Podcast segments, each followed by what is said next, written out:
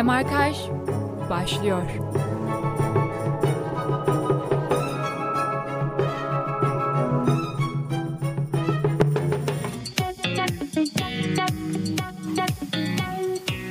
...96.6 frekansından Radyo Bilken stüdyolarından hepinize merhaba.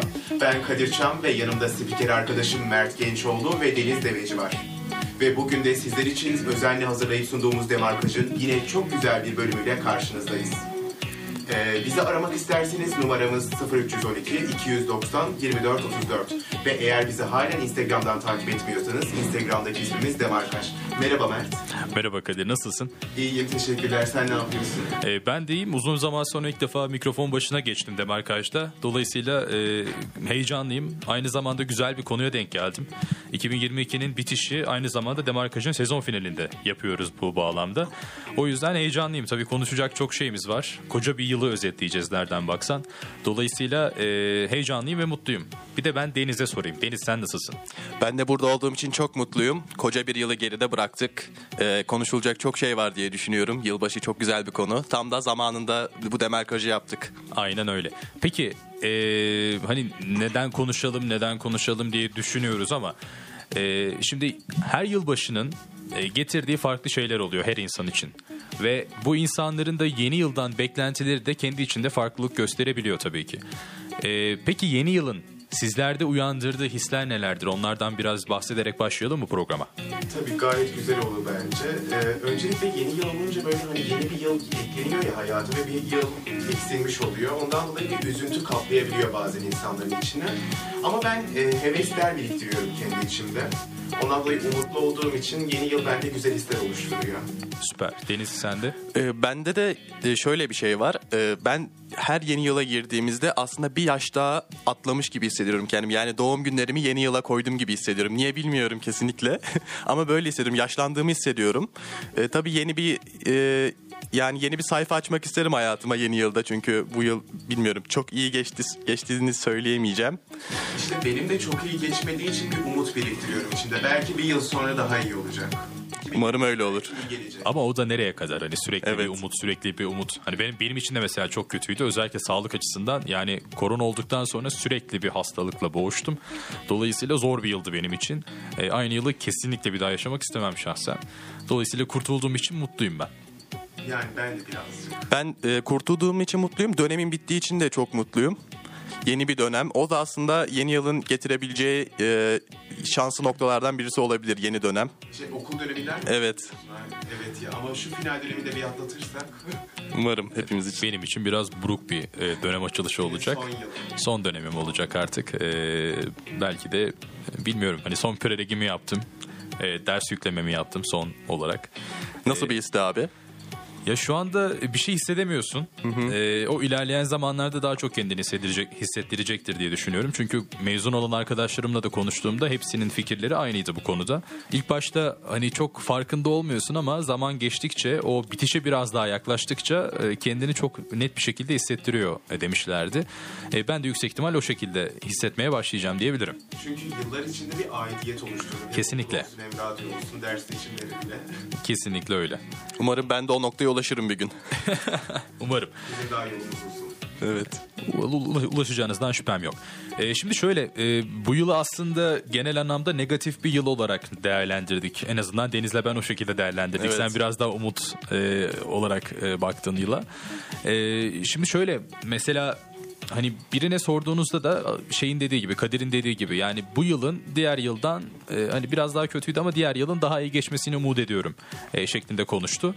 E, peki böyle geçmiş yıllara da bakacak olursak sadece 2021 ile ya da 2022 ile kendimizi sınırlandırmayacak olursak e, sizin böyle unutamadığınız böyle iyi ki yaşamışım bu yılı dediğiniz bir yıl oldu mu? Veya ne yaptınız o yılda da unutulmaz kıldı o yıl sizi? Benim 2018 yılıydı galiba. Lise 3 yılıma denk geliyor 11. sınıfa. Hayatımdaki en eğlenceli ve en keyifli günlerimi o dönem yaşamış olabilirim. Ben de 2017 yazıydı yanlış hatırlamıyorsam. Liseye geçtiğim yıldı. Ee, o yazı unutamıyorum gerçekten. Hayatımda bu kadar dolu bir e, yaz geçirmemiştim. Yani bu üniversite sınavından e, liseyi bitirdikten sonraki e, yaz da hani böyle yeni bir hayata başlıyoruz. Yeni bir yeni e, şeyler giriyor hayatımıza ama o yani liseye geçtiğim e, yılın yazını hiç unutamıyorum. Babam PlayStation almıştı. Sabahlara kadar PlayStation oynuyordum. O, o rahatlık payı paha biçilmez zaten. Evet o çok büyük bir rahatlık yani. Ders yok, stres yok, hiçbir şey yok. Bomboş hayat. 3 ay boyunca o yazı unutamıyorum. 2017 yazı. Bir de yaz dönemi biraz insanın kendini yenileme dönemi gibi oluyor biraz daha. Evet kafayı boşaltıyor insan değil mi? Yani okullar bitmiş oluyor, kendi ilgi alanlarına yönelebiliyorsun ve bu da seni tazeliyor gibi. Evet evet kesinlikle öyle. Ya benim de 2019'da öyle söyleyeyim. 2019'da e, artık hazırlığı zor bela atlattıktan sonra e, yarım dönem bir boşluğum olmuştu. Bu yarım dönemde de e, gidip hani farklı işlerde çalıştım ve inanılmaz tecrübeler edindim. Sonrasında da para biriktirip e, Interrail yaptım. Yurt dışına gittim. Dolayısıyla 2019 benim için unutulmaz bir yıl oldu. E, ilk yurt dışı deneyimim de aynı zamanda. E, Nereye gitmiştin? Sonrasında 5 ülkeye gittim. Yani Oo. trenle bir yolculuk yapmıştım Avrupa'da. Evet. Ee, sonrasında zaten korona patladı. Ee, zamanlamam da çok iyiydi. O Evet. yüzden kendimi çok rahat hissediyordum o konuda. Benim için de 2019 diyebilirim. Peki yılbaşı demişken o zaman yani yılbaşında yapılan bazı önemli şeyler var. Önemli, sizin için önemli mi onları da konuşacağız.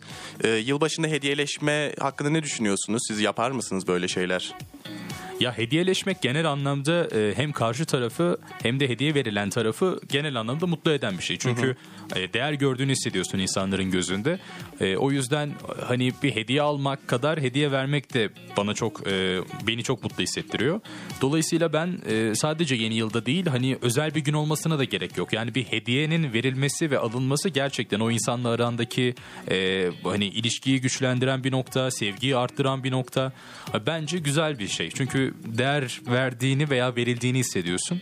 E, o paha biçilemez bir duygu bence. Ben de Mert'e katılıyorum aslında ama ben hediye alıp verme konusunda biraz sıkıntılı bir insanım. Çünkü hediye seçmekte çok zorlanırım. Ve hediyeleri aldığımda da genelde onu kullanamıyorum. Ondan dolayı bana doğum günlerimde mesela hediye almamalarını istiyorum arkadaş veya ailemden. Onlar da almıyorlar sağ ol. Ben de onları almıyorum doğum günlerinde. Böyle bir anlaşma yapıyoruz arkadaşlarımla. Ama yılbaşı çekilişleri benim için de bir ayrı yeri var. Yani hediye alıp vermek yılbaşında benim yani normal görüşlerimi böyle böyle çiğnememi gerektiriyor. Hediyeleri niye kullanamıyorsun peki? Yani bir onlara bir anlam yüklüyorsun? Ee, birinden aldığın için fazla mı değer veriyorsun? O niye? Aslında öyle olmuyor. İnsanlar hediye alırken, ben de hediye alırken mesela çok fazla düşünüyorum ve karşı tarafın kullanabileceği bir şey olsun istiyorum. Ama karşı taraf belki benden o hediyeyi istemiyor ve ben aldığımda o kullanmayacak muhtemelen. Ben biraz daha faydalı şekilde yaklaşmaktayım bu konularda. Mesela bir ihtiyacı varsa para vermek gibi ya da bana para verilmesi. Ya, ya da biraz daha böyle manevi Çok hediyelerin Evet. verilmesi daha mantıklı Kesinlikle. diyelim ona. Çünkü para vermek herkes tarafından böyle olumlu karşılanmayabilir zaman zaman diye düşünmekteyim. Kesinlikle. Bende de şöyle bir şey oluyor. Şimdi ben hediyeyi alma süreci benim için çok sıkıntılı. Yani birisine hediye birine hediye seçmek çok sıkıntı- sıkıntılı. Özellikle o kişiyi hani çok tanımıyorsam, çok iletişimim yoksa çok sıkıntılı. Aslında hediyeleşmek bunun için güzel bir fırsat diye düşünüyorum. İnsanları daha fazla insan taşımak için ama e, ta- daha fazla insanla tanışmak için. E, ama yani e, hediye alma süreci beni çok yoruyor açıkçası. Gideceğim, bakacağım, bir sürü şey inceleyeceğim, aralarından seçeceğim. Yani o süreç beni çok zorluyor. Bir de hediyeyi aldığım zaman karşı taraf yani her şekilde e, mutlu oluyor. Ayıp olmasın diye de oluyor olabilir. Her şekilde mutlu oluyor. Hiç şu ana kadar ya bu ne ne aldın e, diyen birisini görmedim bana karşı ama şimdi bu şüphe de içimde sürekli kaldığı için acaba sev, e, aldığım şeyi sevdi mi, kullanacak mı? O şüphe de içimde hep beni rahatsız ettiği için ben e, hediyeleşmelere çok olumlu bakamıyorum yani kendi açımdan öyle maalesef. Aynıymışız. Benim de aynı görüşlerim var. Yani şu konuda Deniz'e katılıyorum ben de. Normal özel günlerden ziyade yılbaşında e, yılbaşı çekilişlerini kendi arkadaş çevrende değil de daha böyle çalıştığın yer bazında ya da işte bir herhangi bir sınıfta vesaire yaptığın için dolayısıyla tanışmadığın insanlarla e, o anlamda tanışma fırsatı da buluyorsun. O yüzden o büyük bir zenginlik olabiliyor bir yerde. Ama saygı duyuyorum tabii ki de sizin e, seçimlerinize de. Peki e, biliyorsunuz ki yılbaşı yaklaşıyor demiştik. E, yılbaşını nerelerde kutluyorsunuz genelde? Yılbaşı değişiyor. Bazen evde kutladığım, ailemle kutladığım olduğu gibi bazen arkadaşlarımla dışarıda da kutladığım oluyor. Ben bugüne kadar hep ailemle e, beraberdim yılbaşında. Üniversiteye geldiğimden beri yani bir, dışarı çıkma durumu oluyor ama bu sene pek çıkamayacağım gibi gözüküyor. Sınavlardan. E, sınavlardan dolayı bir de radyoda da yoğunuz malum. E, o yüzden bir de başka şehirden geldiğim için e, Ankaralı değilim. Öyle olduğu için biraz e, bu seneyi akademik olarak geçireceğim gibi gözüküyor. Umarım kütüphanede geçirmem ama. Umarım kütüphanede geçirmem. O önemli yani benim için. O da büyük bir farklılık olabilir belki. Yani evet ilk defa denemiş olurum. Seninle birlikte geçirecek olan birkaç insan daha Tabii var tabii bence. kesinlikle vardır. çok var. Peki e, unutamadığınız bir yılbaşı anınız var mı? Bahsetmek istediğiniz. Önce sen başla istersen. Ee, ben küçüklükte ilk tombala oynadığımı hatırlıyorum yılbaşında ve hani onun yıl bir yılbaşı etkinliği olduğundan habersizdim. Bir, yani getirdi aile dostlarımızla beraberdik e, evde ailemle beraberdim. Tombala getirdiler. Ne olduğunu yani anlayamamıştım. Ne alaka diye. Tombalanın ne olduğunu da anlamamıştım. Orada çok şaşırmıştım. O an unutamıyorum. Yani belki sizin için bu böyle çok unutulmayacak bir anı gibi değil ama ben bunu yani sürekli her yılbaşı bunu düşünüyorum. O tombalı ilk oynadığım an niye oynuyoruz? Nasıl oynadır? Niye böyle bir şey var? Çok sorgulamıştım. Benim en unutamadığım anım mı bilmiyorum ama en saçma yılbaşına giriş şeklimden bahsetmek istiyorum dinleyicilere ve sizlere. Yani çok saçma. Ee, arkadaşımın evinden geldim. Yılbaşı saati daha dolmamıştı. Yurtta kalıyorum o dönemde. 91. yurt Bilkent'te okuyanlar bilir. İşte oraya geldim. Ee, yatağımın üstüne oturdum böyle. Dik bir vaziyette bile değilim. Yere bakıyorum. Fayansları incelerken bir anda 3, 2, 1 diye sayıldı ve yılbaşına girdik. Ben bomboş bir şekilde yılbaşına girdim. ve o yıl 2020 yılının yılbaşıydı ve 2020 yılında tamamen o şekilde geçti benim. Nasıl başlarsın öyle geçer Yoklukta, şeyi oluyor galiba. Ondan da konuşacağız. Peki hiç uyuyakaldınız mı yılbaşında? Ee, yok onu yapmadım. 12'de. Oo. Ya bizde şöyle şeyler oluyordu genelde. Ee, 12'de girmemiz gereken yılbaşına 1.30'da girdiğimizde oluyordu. Yani hani bazı arkadaşlarımız için mesela yılbaşını kaçırdığı oluyordu belli sebeplerden ötürü. Sonrasında onun için tekrardan yılbaşına giriyorduk. O yüzden e, onlar biraz daha eğlenceli, unutulmaz yapıyordu aslında. Onlar için e, saat sürekli gece 12. Kesinlikle öyle. Ve hani gerçekten hani her kutlandığında da sanki biz de gerçekten tekrardan giriyormuşçasına e, bir heyecan yaşıyorduk. O da e, yine çok güzel e, bir anı katıyordu bizlere diyebilirim. E, o zaman yılbaşı gecesi e, televizyonlarda da bazı e, programlar oluyor. Bunlar özellikle Türkiye'de yani çok meşhur programlar ve reyting rekorları kırıyorlar. Gerçekten inanılmaz rekorlar kırıyorlar. Siz e, izler misiniz yılbaşı gecesi özel programları? E, ya şöyle kendimden bahsedecek olursam geçmiş zamanlarda gerçekten takip ediyordum ve e, severek izliyordum ama şu anda e, artık yani günümüzde çok fazla televizyon kültürü kaldığını düşünmüyorum ben. Evet, E, o özel programlarda eski tadını kaybettiğini düşünüyorum. E, dolayısıyla e, bu yıl televizyon konusunda o kadar eğlenceli, o kadar hani e, reytingleri yüksek bir şekilde geçer mi? Belli bir kesim için tabii ki geçer. Ama mesela ben kendi adıma konuşacak olursam o geçmiş dönemlerde yaşadığım e, o heyecanı, o televizyon izleme isteğimi e, bu yıllarda biraz daha kaybetmiş e, durumdayım. Dolayısıyla e, artık hani farklı dijital platformlar e, hayatımıza girdi. Hani özel program, yılbaşı özel programlarını izlemektense orada e, artık yılbaşı konseptiyle bütünleşen filmleri izlemek e, insanlara daha cazibeli geliyor diye düşünüyorum ben. Yani ben de eskiden evde kutladığım yılbaşlarında ailemle bir aradayken genelde oyunlar falan oynandıktan sonra televizyon açılır. Televizyonda o özel programlar izlenirdi. Senin gibi düşünüyorum aynen. Artık şu saatten sonra ben gidip de özel program genelde izlemiyorum ama online platformlardan normal filmler izliyoruz. Mesela yılbaşı konseptli değil de normal filmler. Öyle bir gelenek oluştu bizde birkaç yıldır. Peki belli filmler var mı böyle? Bu, mesela bu sene e, aklında bir film var mı Kadir izlemek için? Ee, bu sene evde olamayacağım ben. Öyle mi? Bu sene ben de yurttayım. Ondan dolayı bu sene evde değil arkadaşlarımla kutlama dönemime geçti. Bir yıl evde bir yıl arkadaşlarla. Ondan dolayı şu an izleyeceğim bir film yok. Öyle bende de aynısı oluyor. Ben de televizyon izlediğim zaman artık kendimi e, nostalji yapıyormuş gibi hissediyorum. Cidden bunu ilk hissettiğim e, zaman çok şaşırmıştım ve üzülmüştüm de açıkçası. Çünkü çocukluktan bugüne kadar gelen süreçte hep televizyonla büyüdük. Bizim neslimiz öyle biraz. Şimdiki nesil öyle değil. E, dijital platformlarla büyüyorlar. Ama yani o an beni çok üzmüştü. Nost- ilk nostaljik hissettiğim an televizyonu açtım uzun zaman süre, süre sonra. Kumandayı elime aldım. Yani gerçekten çok üzülmüştüm.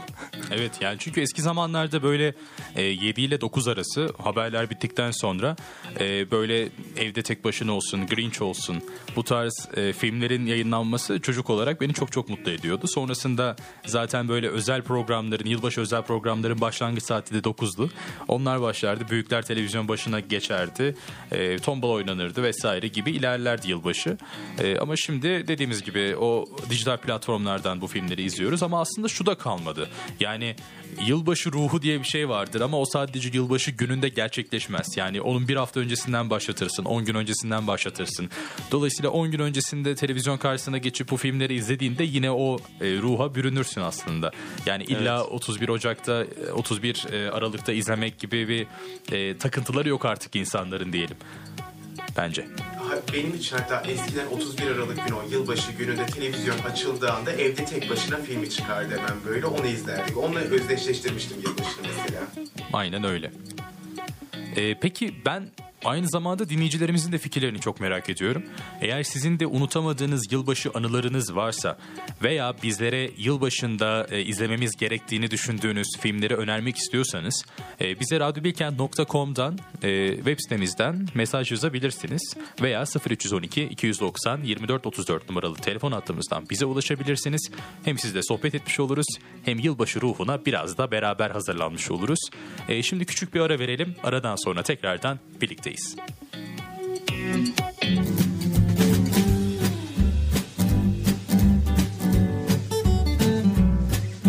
Demarkaj devam ediyor.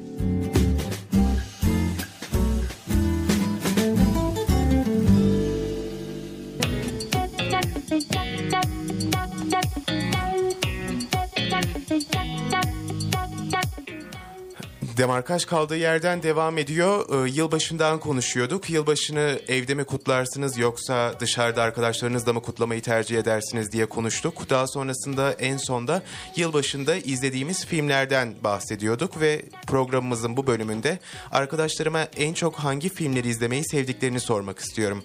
Ee, Mert en çok hangi filmleri izlersin yılbaşlarında? Ee, ya bu soru aslında biraz e, benim için çok geniş çaplı bir soru. Çünkü buna e, yanıt verebileceğim çok fazla şey var. E, bir tanesi Polar Express. Bilmiyorum duydunuz mu ama. Evet. Hiç çok duymuş güzel, muydunuz? çok Evet. güzel bir film evet. Polar Express benim çocukluğumun yani böyle bir inanılmaz unutamadığım animasyonlarından bir tanesidir. Kısaca e, içeriğinden bahsedecek olursam e, burada artık hani her Noel geçtiğinde Noel'e karşı inancını yitiren bir çocuk böyle ucu, ucu bucağı belli olmayan bir trene atlıyor ve trende e, onun gibi çocuklarla karşılaşıyor. Ve bu tren e, direkt olarak e, Noel Baba'nın bulunduğu yere yani Kuzey Kutbu'na doğru gidiyor. Sonrasında yaşadıkları hikayeleri vesaire çok güzel aktarıyorlar.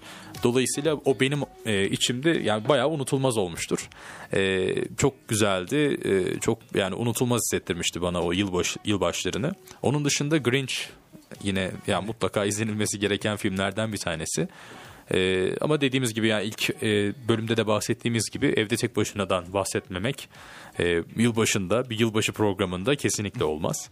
Siz izlediniz mi peki? Sizin nelerdir film Ben olarak her yıl evde tek başınayı izlemek zorunda kaldım artık belli bir yerden sonra. Çünkü televizyonlarda senin anlattığın filmler genelde çıkmıyordu hatırlamıyorum ya da ben mi görmüyordum. Polar Express e, zamanında böyle çıkardı ama e, artık çok fazla çıkmıyor. Artık çok çıkmıyor ama evde tek başına şu yılda olsa yine izleniyor yani. 1990 Aynen öyle. yapımı bir film ama halen televizyon kanallarında görebiliyoruz. Peki Deniz senin en sevdiğin film neydi yılbaşı konsepti olarak?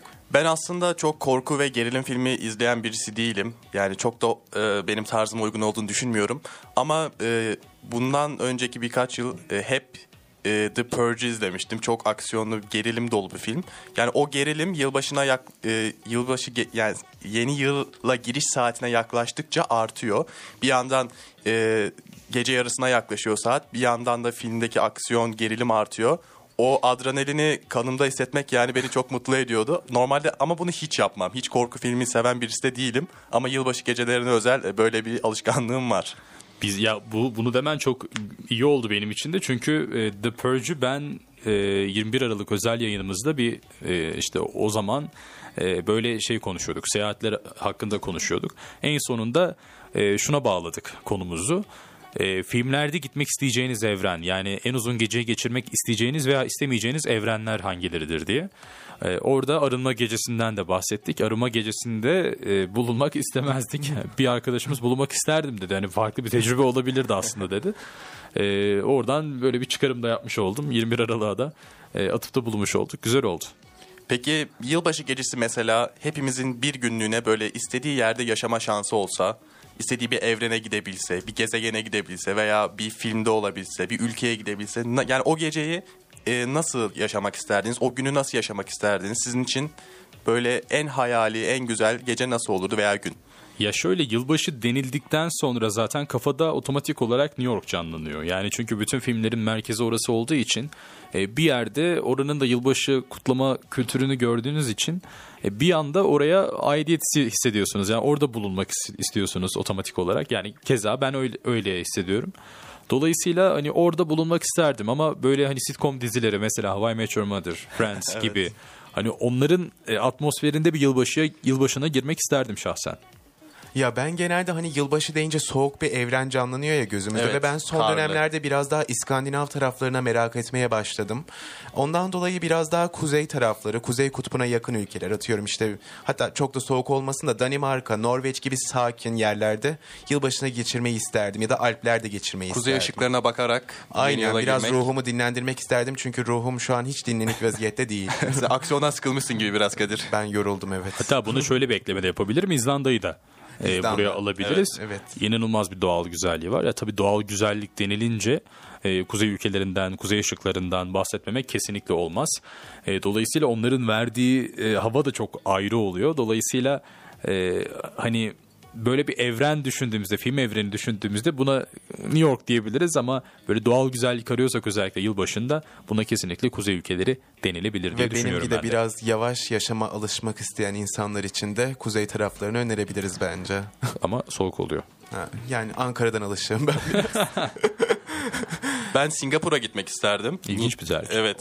Onun sebebi de geçen sene e, yılbaşı gecesi e, onların havai fişek gösterilerini görmüştüm. Ama yani havai fişek gösterisi bizim aklımıza gelen tarzda bir gösteri değil onların. Gerçekten kesinlikle bir insanın hayatı boyunca bunu tecrübe etmesi gerektiğini düşünüyorum. O havai fişek gösterisine e, canlı olarak e, tanık olmak isterdim. Yani nasıl bir görüntü, nasıl bir atmosfer çok merak ediyorum. Bir de Çin yeni yılına onların biliyorsunuz farklı tarihlerde oluyor Çin yeni yılı. Tam O- sen Singapur'dan bahsederken aklıma Çin O mu geldi. gelmişti? Çin'deki yılbaşı kutlamaları geldi. Evet o ejderha e, temalı o e, yılbaşı yılbaşını tecrübe etmek isterim ama o da biliyorsunuz 31 Aralık'ta olmuyor. Tam tarihini bilmiyorum. Ama yani o onların kültüründeki o yeni yılı da onların kutlama şeklinde kesinlikle görmek isterdim. Umarım bir gün görebilirim. her yılı bir hayvana atfediyorlar aslında. Ondan da e, farklı şeyler, e, kutlamalar olabiliyor gibi yani her gördüm ben. kültürün ayrı bir yılbaşı Kesinlikle, kutlaması kesinlikle. var.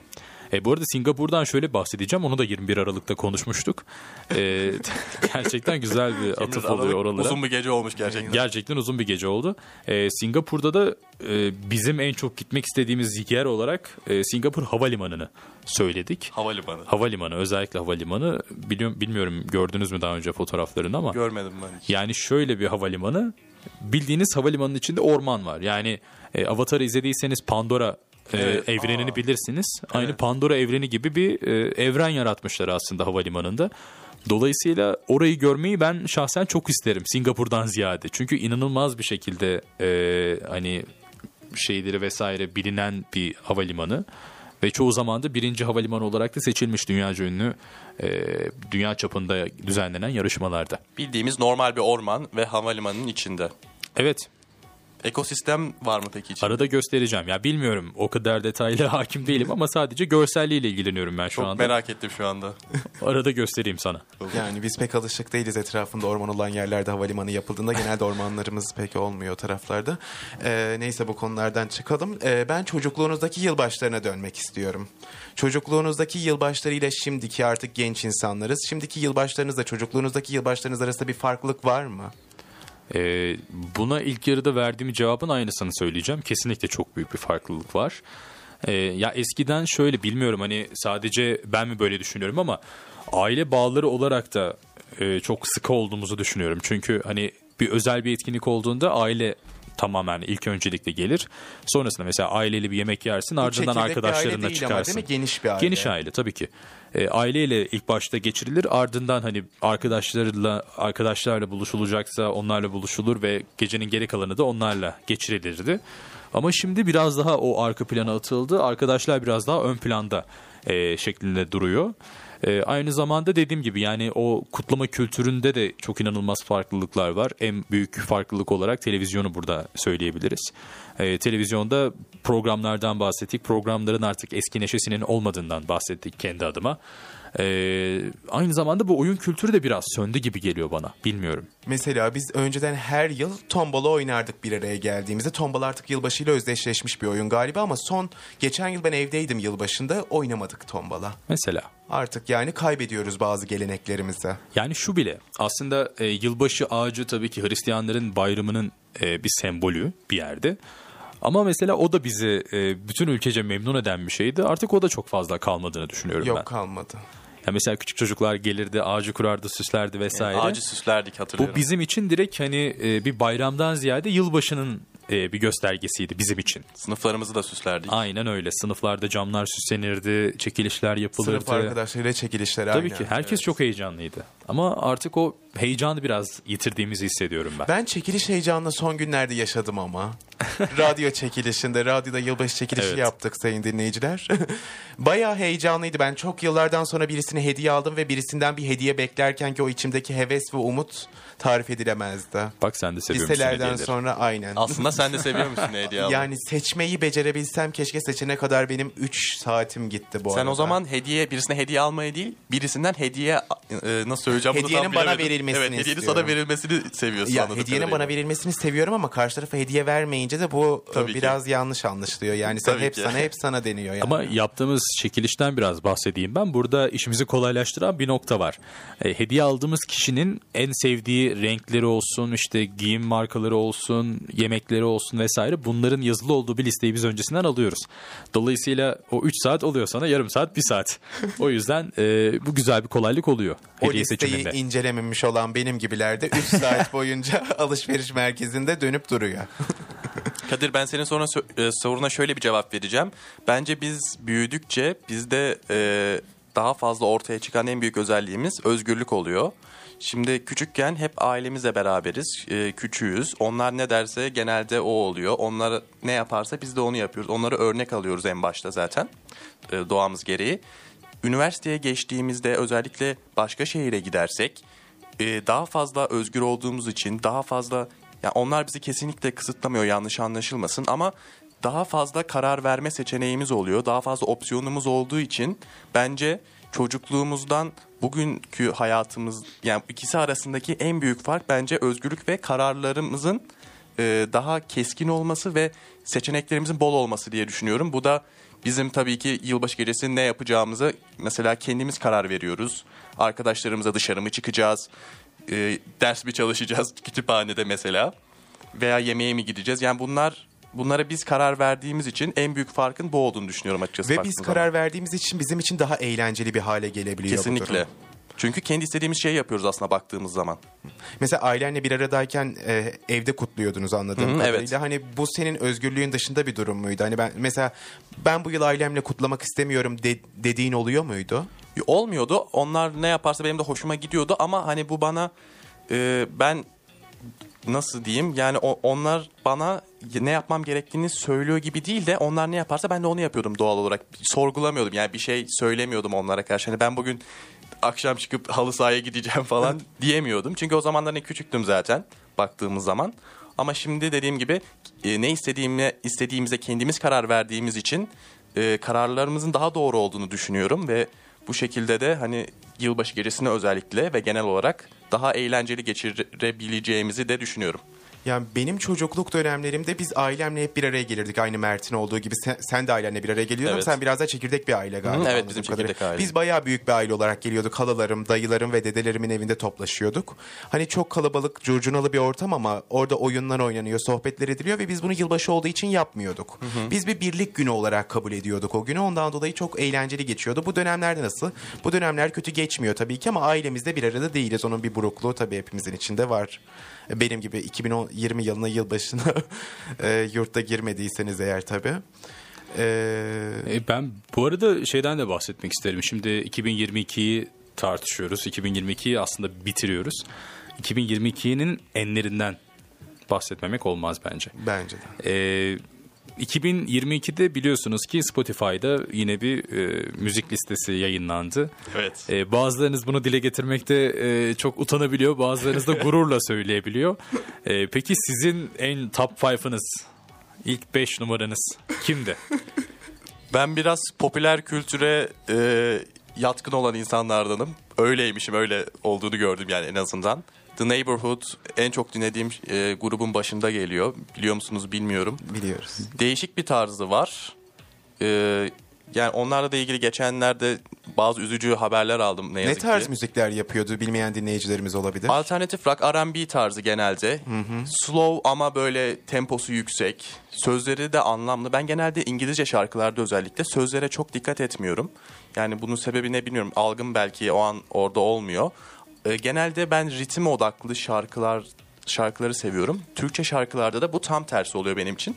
Daha çok sözlere Sözler ön planda Daha çok sözler ön planda oluyor. İşte sözlerine çok önem veren bir insan olduğum için ben de yabancı şarkı dinleyemiyorum genelde. Yabancı şarkılarda da genelde modu düşük şarkılar dinlemeyi tercih ediyorum. İngilizceleri daha slow olduğu için daha iyi anlıyorum.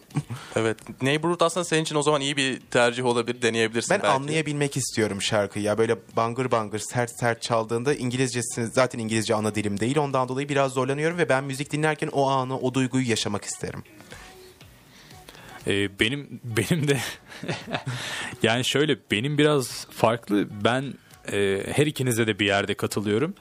E, ben elimden geldiğince farklı türlerden ya böyle çorbadır benim müzik listem aslında. Yani yani Hepimizin öyle bence. bir yandan şey dinlemeye başlarken e, atıyorum The Neighborhood dinleye, dinlemeye başlarken ikinci şarkı olarak bir anda Ebru Gündeş, üçüncü şarkıda bir anda hepsi bir vesaire gelebilir. O kadar karışık bir listeye sahibim.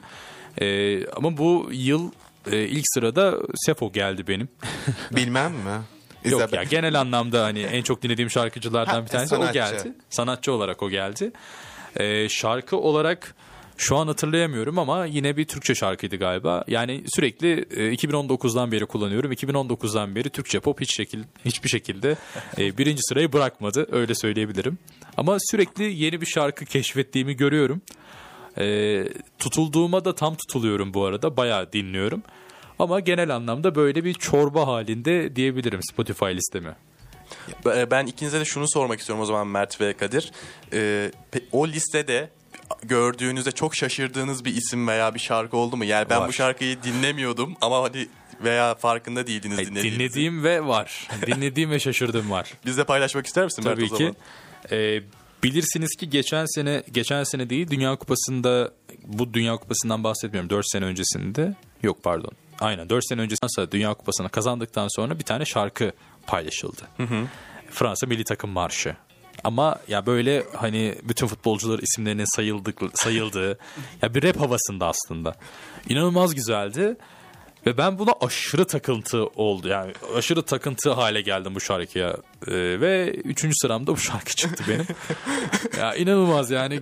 Türk'üm, Fransız değilim ama onlardan daha çok dinlemişimdir emin olabilirsiniz. Öyle şarkılar bağımlılık yapıyor kesinlikle Ya değil mi? kesinlikle. En son mesela bir Macaristan'a gitmiştim. Macaristan'da bir e, bir kafede, bir yerde e, bir müzik çalı, çalarken işte dans ediyoruz vesaire falan. Bir anda bu şarkı çalmaya başladı. Ama herkes inanılmaz söylüyor. Yani o kadar içerlemişler ki Fransızından İspanyolu, İspanyolundan İtalyanı herkes bu şarkıyı benimsemiş ve kabullenmiş. E, onlar söylemeye başladı. Ben de bir anda söylemeye başladım vesaire falan. İnanılmaz bir e, yani hava yaratıyor insanların arasında. Aynı zamanda ikinci şarkı da ikinci şarkısı da bir yandan geliyormuş sanırım. Bir yerlerde karşıma çıktı. E, henüz paylaşmamış şarkıyı ama onu da yakın zamanda paylaşacak galiba. O da yine bunun gibi etki yaratacağını düşünüyorum ben şahsen. Senin için var mı Kadir öyle bir şey? Ee, Spotify listemde şaşırdım mı? Evet. Ee, ben 5 şarkının 5'ine de çok şaşırdım. Çünkü o kadar fazla dinlediğimi düşünmüyordum. Dinliyordum ama bu kadar en üste çıkacağını düşünmüyordum. En çok dinlediğim sanatçı da Yıldız Tilbe. Yani en sevdiğim sanatçıydı zaten. Hani bunu Arabesk her yerde tarz. pek söylemiyoruz ama artık dinleyicilerim beni biliyor 21 Aralık gecesindeki Ağlanan Zamanlar programında kaç kez is- ismini zikrettiysem biliyorlar artık. Ee, Yıldız Tilbe en çok dinlediğim sanatçıydı. En çok dinlediğim şarkı da Hiç Kimsenin Günahı Yok diye bir şarkı. Duydunuz mu bilmiyorum. Ee, Sufle ile Can Ozan yapımı. Ben Güzel duymadım. Duymadım onu da. Yani ben genelde Türkçe alternatif şarkılar dinlemişim bu Spotify'da ama arabesktir, daha sonra Türk halk müziği, Türk sanat müziğidir. Benim biraz senin gibi karışık. Senin İster. Türkçe'de biraz daha çorba. Bayağı Türkçe. Benim biraz daha dünya çapında çorba diyebiliriz. O zaman şöyle bir şey diyebilir miyiz? Yani e, sevdiğimiz ve dinlediğimiz şarkılar aslında uyuşmuyor mesela. Böyle bir şey bir çıkarım yapabilir miyiz sizce? Ee, Yani sevdiğimiz şarkıları çok dinlemiyoruz mesela. Öyle bir şey var mı? Çünkü ben o listeye baktığımda mesela sevdiğim şarkılar vardı evet ama hani böyle ortalama görsem dinleyeceğim sadece şarkılar da vardı ve onlar hani en e, listenin en tepesinde olunca ben bö- böyle bir düşünmüştüm aklıma gelmişti size de sormak istedim o yüzden. Ya sevdiğin şarkılarda şöyle ilerliyor diye düşünüyorum. Mesela sevdiğin bir şarkıyı dinlemeye başladığında artık her günün onunla geçiyor. Her gün dinliyorsun, her vakit dinliyorsun, boş olduğun vakitlerde vesaire. Ama sonrasında her zaman dinlediğin için bir yerde o şarkı seni sıkmaya başlıyor artık. Sıktıktan sonra artık o şarkıyı dinlemiyorsun. Ama atıyorum iki ay sonra, üç ay sonra o şarkı tekrar karşına geldiğinde aa böyle bir şarkı vardı ben çok severim o şarkıyı diye tekrar dinlemeye başlıyorsun. Dolayısıyla aslında bütün haklarını e, o şarkıyı keşfettiğinde harcadığın için sonraki vakitlerde onu tekrar dinlemiyorsun. Onun yerine onun yerini başka şarkılar alıyor. Farkında olmadan o şarkıları ondan daha fazla dinlemiş oluyorsun ve onlar bir şekilde birinci sıraya yerleşiyor diye düşünüyorum ben. Ve benim de senin dediğini ben gayet iyi anladım. Spotify'daki dinlediğim, en çok dinlediğim şarkıları tabii ki seviyorum. Ama en sevdiğim şarkıları ben genelde YouTube'dan canlı versiyonlarını dinliyorum. Ondan dolayı Spotify listemde çıkmadı o Ya şarkılar. kliplerini de izleme, izlemeyi Klip değil seviyorsun. direkt canlı versiyonlar. Hani konser kaydı olur herhangi bir televizyon programında çıkmıştır orada canlı okumuştur ki ben sevdiğim şarkıyı canlı okunduğunda daha çok seviyorum. Tabii ki o hepimiz için öyle. Hisleri daha çok Doğru. iletiyor karşı tarafa. Sen o zaman daha çok sözler ve e, hissetmeyi seviyorsun? Kesinlikle. Türkçe dinlememin en büyük sebeplerinden biri de bu olabilir yani. Ben de küçükken İngilizce şarkıları dinlediğimde hiçbir şey anlamıyordum. Böyle sizde de oluyordu böyle mırıldanıyorsunuz bir şeyler söylüyorsunuz e, eşlik etmeye çalışırken ama e, kesinlikle sözleri tutturamıyoruz. O büyüdükçe İngilizcem geliştikçe açıkçası onu yani onu geliştirmeye başladım. O yüzden İngilizceye biraz kaydım diyebilirim. Abi Kesinlikle. benim bir tane İngilizce hocam vardı hazırlıktan yine okulda. Ee, İngilizce şarkılarda ne denildiğini çok merak ettiği için İngilizce öğrenmeye başlıyor ve şu an İngilizce öğretmeniydi yani. Süper. Keşke bende de öyle bilgi oluşsaydı en başta. 2019 yılında öğrenmezdim İngilizceyi. Peki ya bundan bahsettik de e, Dünya Kupası'nı söylemişken Dünya Kupası'ndan da bahsetmemek olmaz bu yılın kesinlikle. olayıydı yani. Aynen öyle. Ee, İşte biraz daha geç olsaydı da yılbaşı gecesi finali oynasalardı. Ya evet hem öyle hem de e, kışın Dünya Kupası görmeye çok alışık biri değilim. Yani fanatik bir Galatasaraylı olaraktan da e, ligin kesilmesi özellikle benim takımım formdayken çok hoşuma gitmedi. Ama sonrasında Dünya Kupası'nı izlediğimde gerçekten son zamanların en zevkli Dünya Kupalarından bir tanesiydi. Özellikle finali. E, o yüzden bir yer bir anda mutluydum. E, sonu biraz beni üzdü. Ben biraz Fransa tarafındaydım çünkü. Fransa. Öyle E, şarkısından ötürü. o yüzden e, ama çok zevkliydi. İzlemesi çok keyifliydi.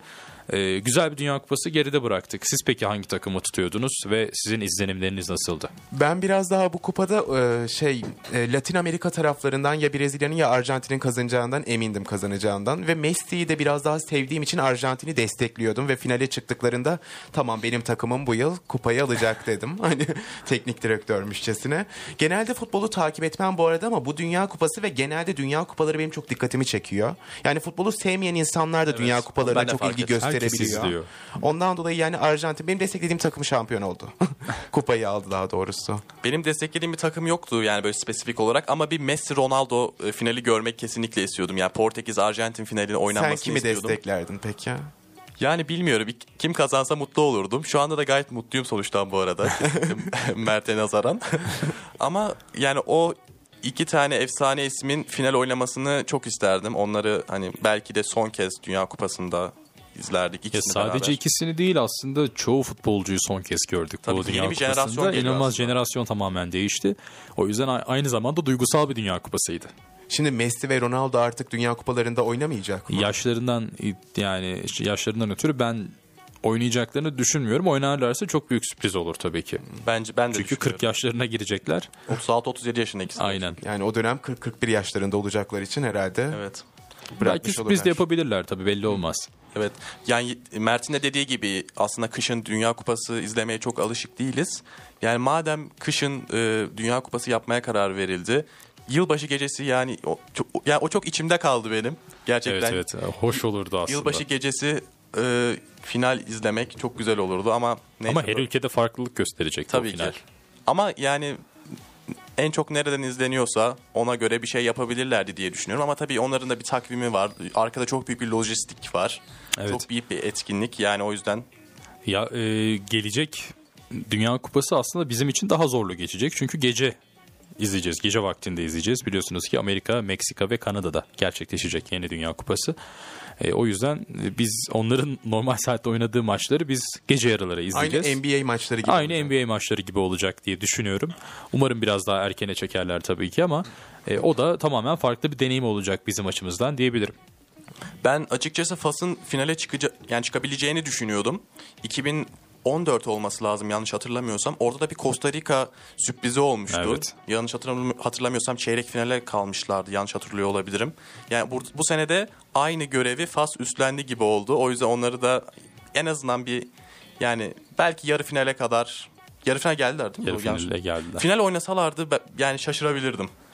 Ya be- beni 2010'da şimdi sen 2014'ten bahsedince 2010'da da e, Gana Evet. Gana. şey yapmıştı. Olabilir. İnanılmaz e, oynuyorlardı. Her sene bir takım çıkıyor öyle yani. tabii ki tabii ki. Her, bir öne ön plana çıkan bir takım oluyor her seferinde.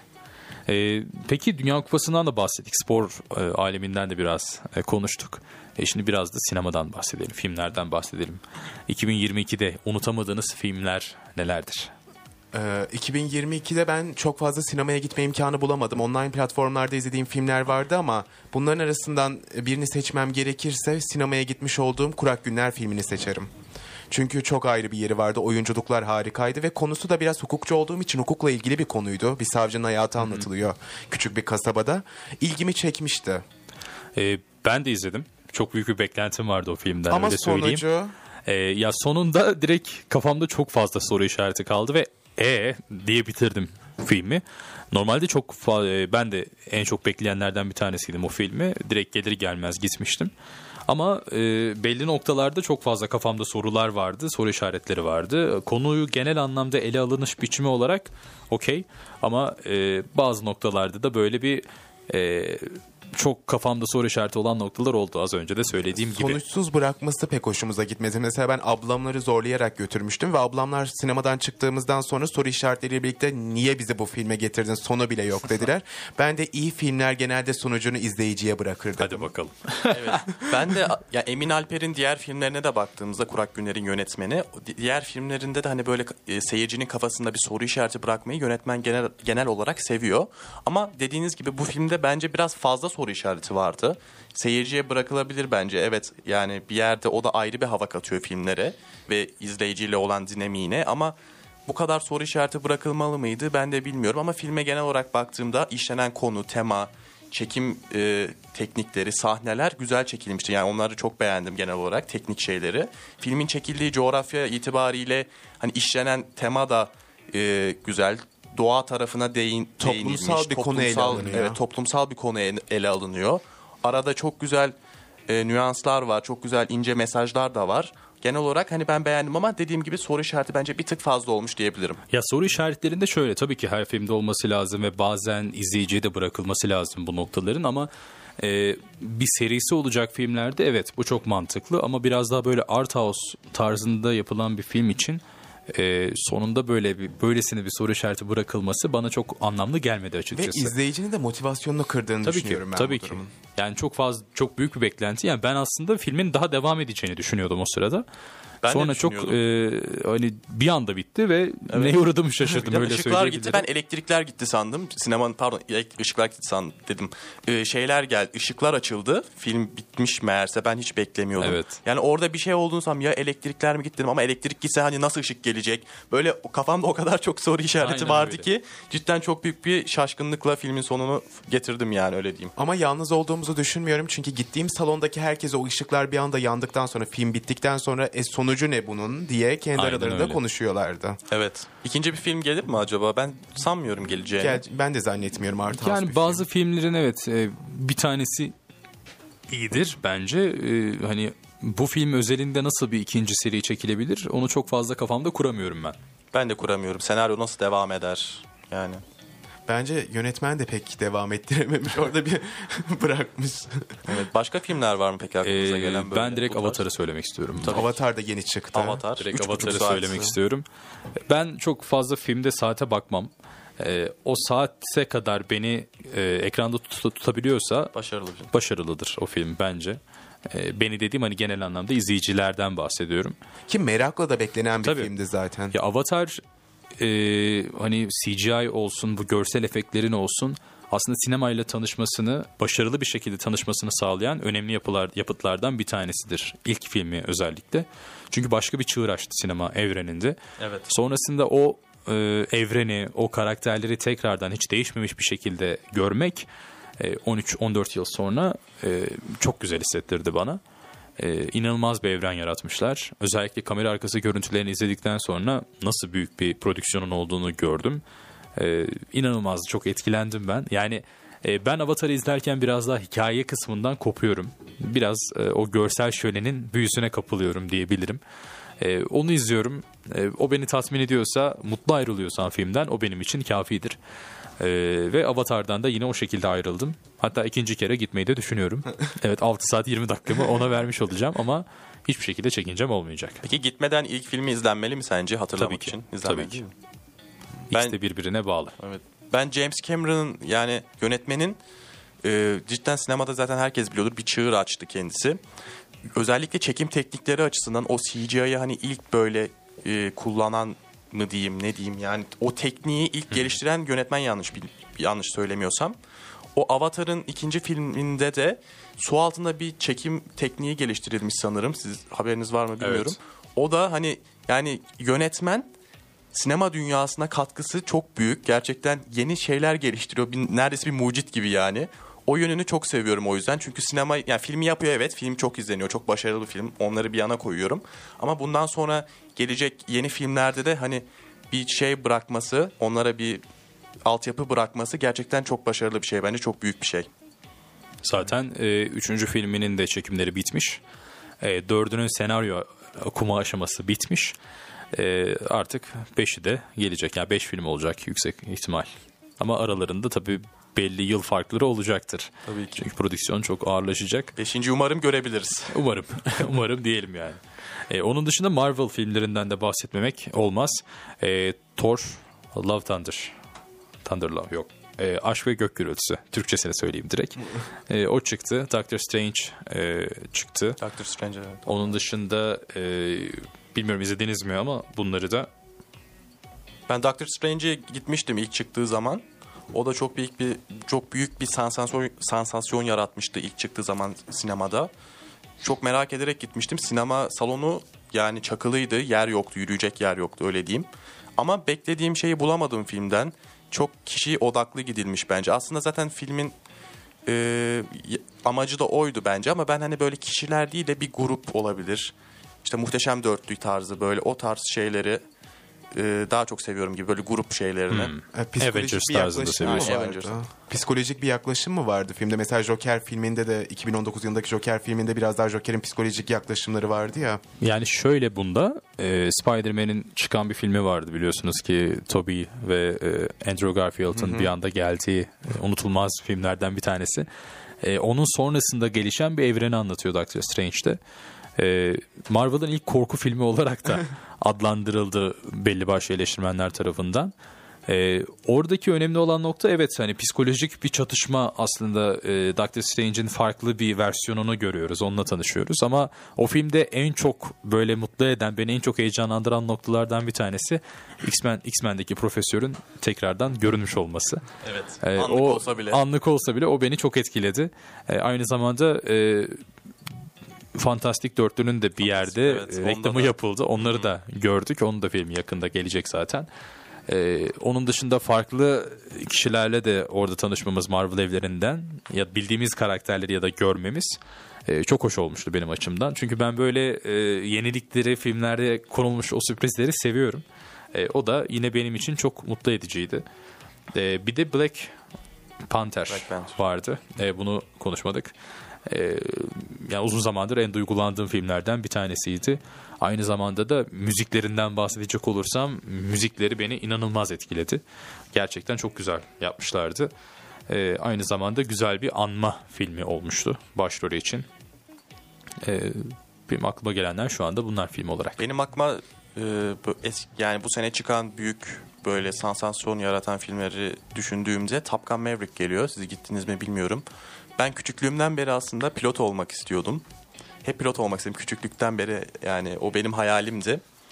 Ee, ondan sonra e, lis- li- liseyi bitirdikten sonra ya hava harp okuluna gitmem gerekiyordu pilot olmak için ya da üniversiteyi bitirip hani sonrasında başka yollar var uçuş okulları vesaire tarzı.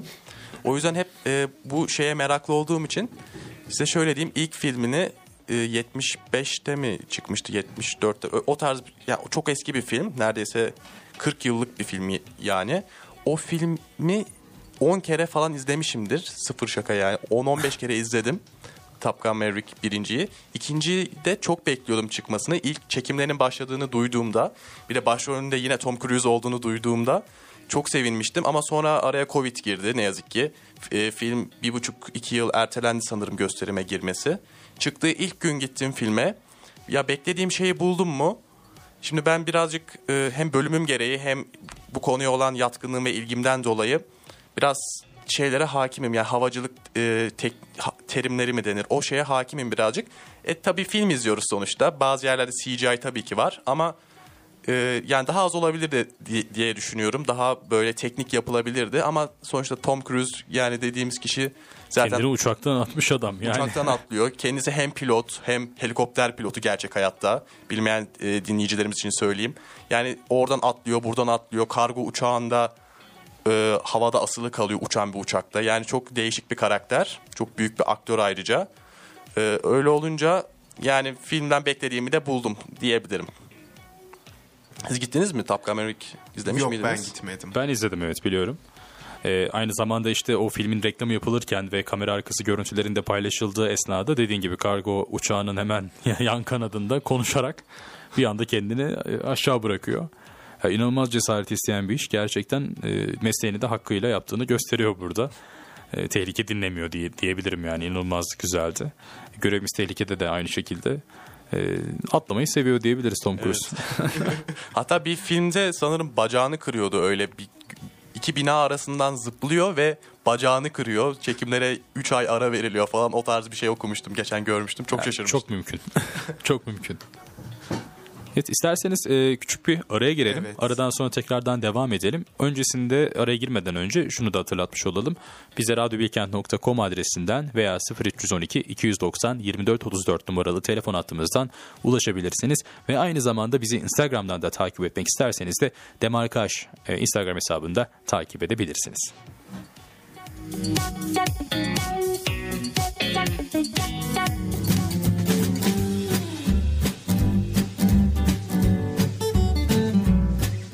Demarkaj devam ediyor.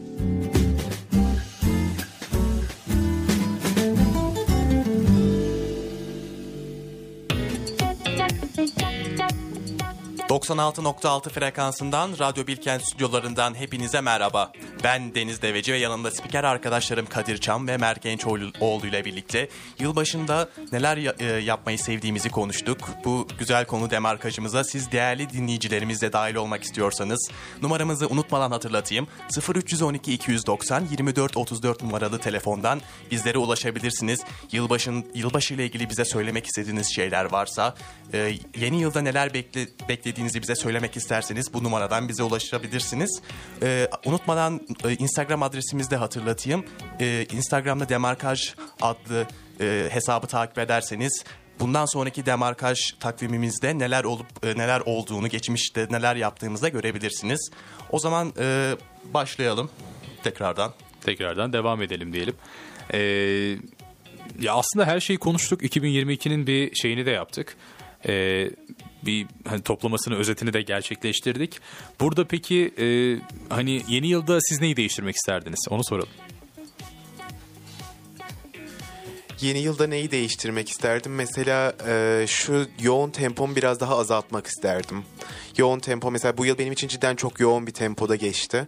Dersler olsun, akademik kaygılar olsun hepsi had safhada ilerledi. Radyo da birazcık etkiliyordu ama radyo yine güzel bir tempoydu. Hani bu tempolu hayata pek alışık olmadığım için bu tempoyu biraz düşürmek istiyorum ben. Yeni yıldan beklentim de bu biraz daha.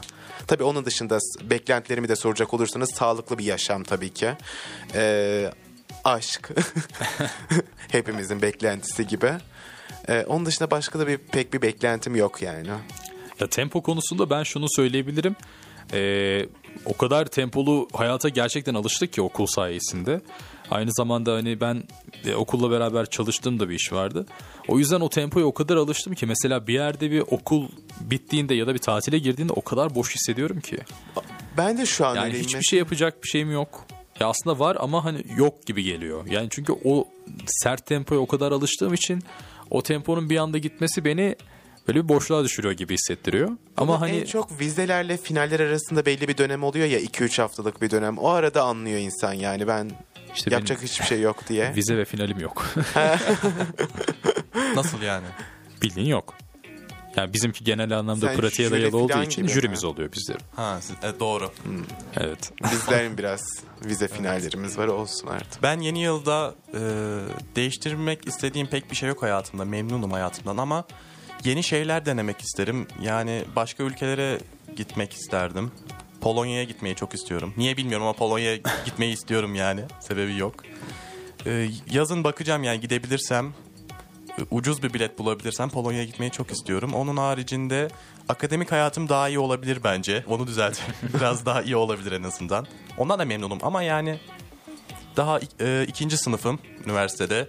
Daha iki buçuk yılım daha var burada. Umarım iki buçuk yılım var. En az iki buçuk yılım var. Onu da yani daha iyi noktalara çekebilirsem daha iyi olabilir diye düşünüyorum. Ee, ben bir de çok e, yurt dışında bir master biliyorum. Ee, buradan da o dileğimi de söylemiş olayım tekrardan. Umarım, Umarım gerçekleştirebilirim.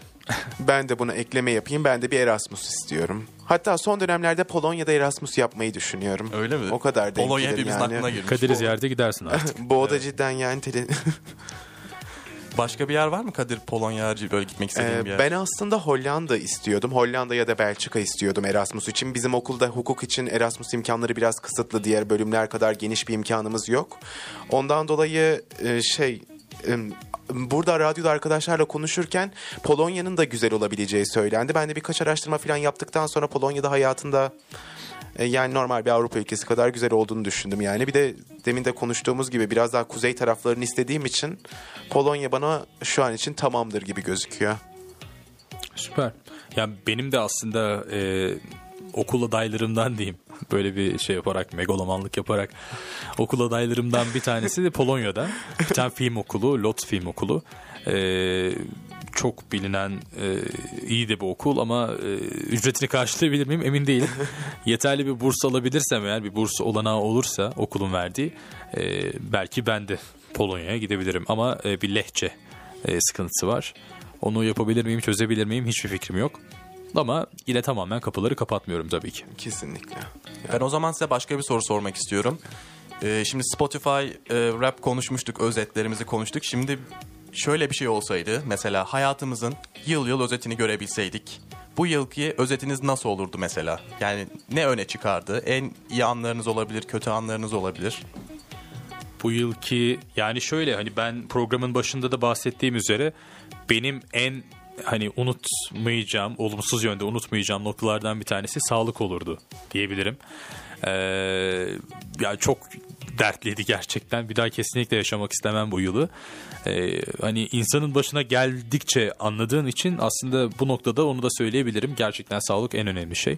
Onu ben de hep söylüyorum. Covid mi olmuştun Mert? Covid oldum. Covid'den sonra e, toparlanamadım diyeyim. Yani sürekli bir hastalık, sürekli bir hastalık vesaire. Hani çok ağır bir hastalık değil ama böyle gribimsi hani kurtulamadığım bir hastalık evresine yoruyor, girdim. değil mi? Hayat Yani kalitesini düşüren Kesinlikle bir- yani yaz döneminde bile hastalandığım için bu sene ya artık hani şeye başlıyorsun yine mi hasta olacağım? Hasta olmamak için bir şeyleri yapmaya çalışıyorsun.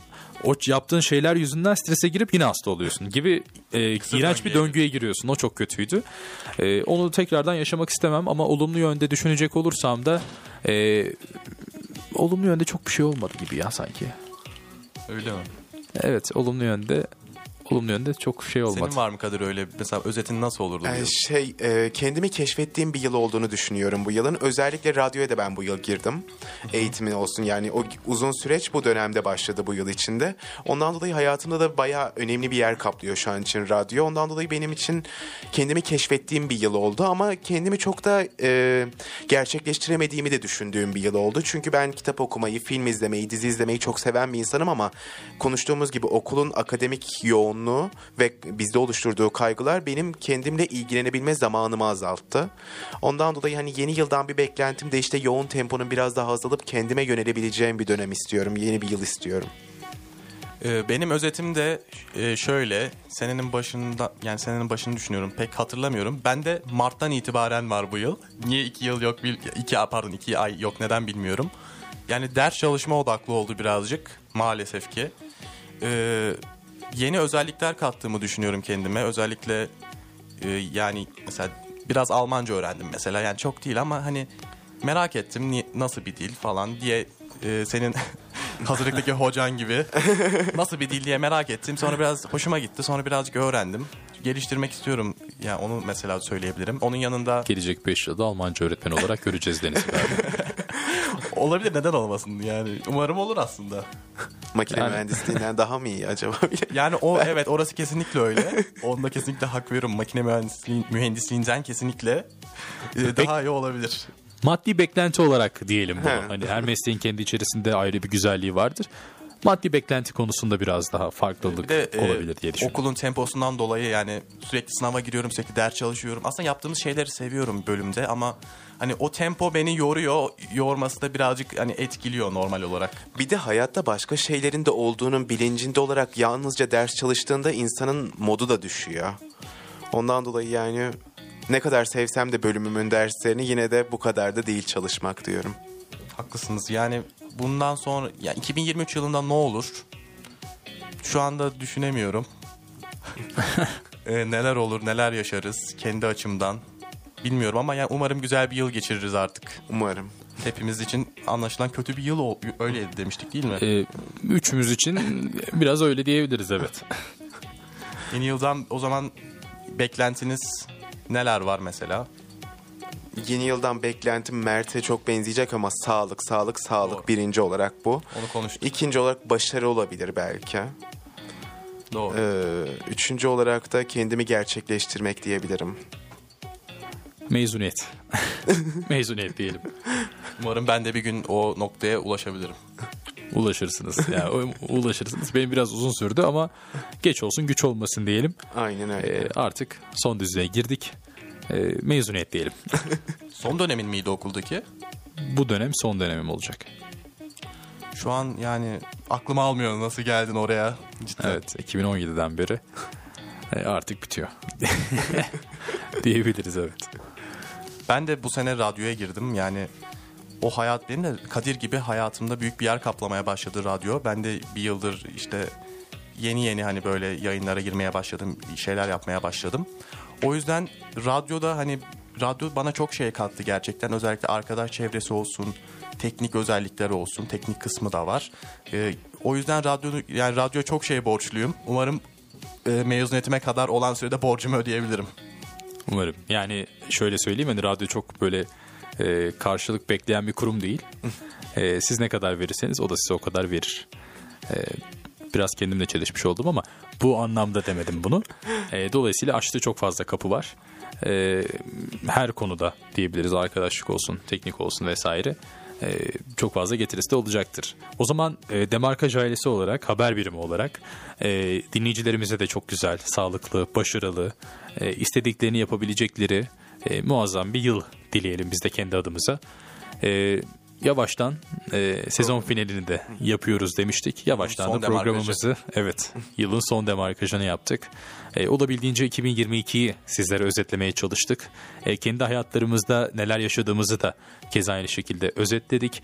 E, umarım sizler için de çok sağlıklı, e, çok başarılı, istediğiniz gibi bir yıl olur. E, bizden bu haftalık bu kadardı. Sonrasında e, yaklaşık bir 5 dakika sonra e, Demarkaş Kültür Sanat Köşesi ile sizlerle beraber olacağız. Ardından da saat 16'da Deniz Haberlerle beraber e, sizlerle birlikte tekrardan mikrofon başında olacak. E, sizin eklemek istediğiniz bir şeyler var mı? Çok güzel bir yayında hepinize teşekkür ediyorum. Çok teşekkürler. Herkese iyi yıllar diliyorum. O zaman hepinize hoşçakalın diyoruz. İyi günler.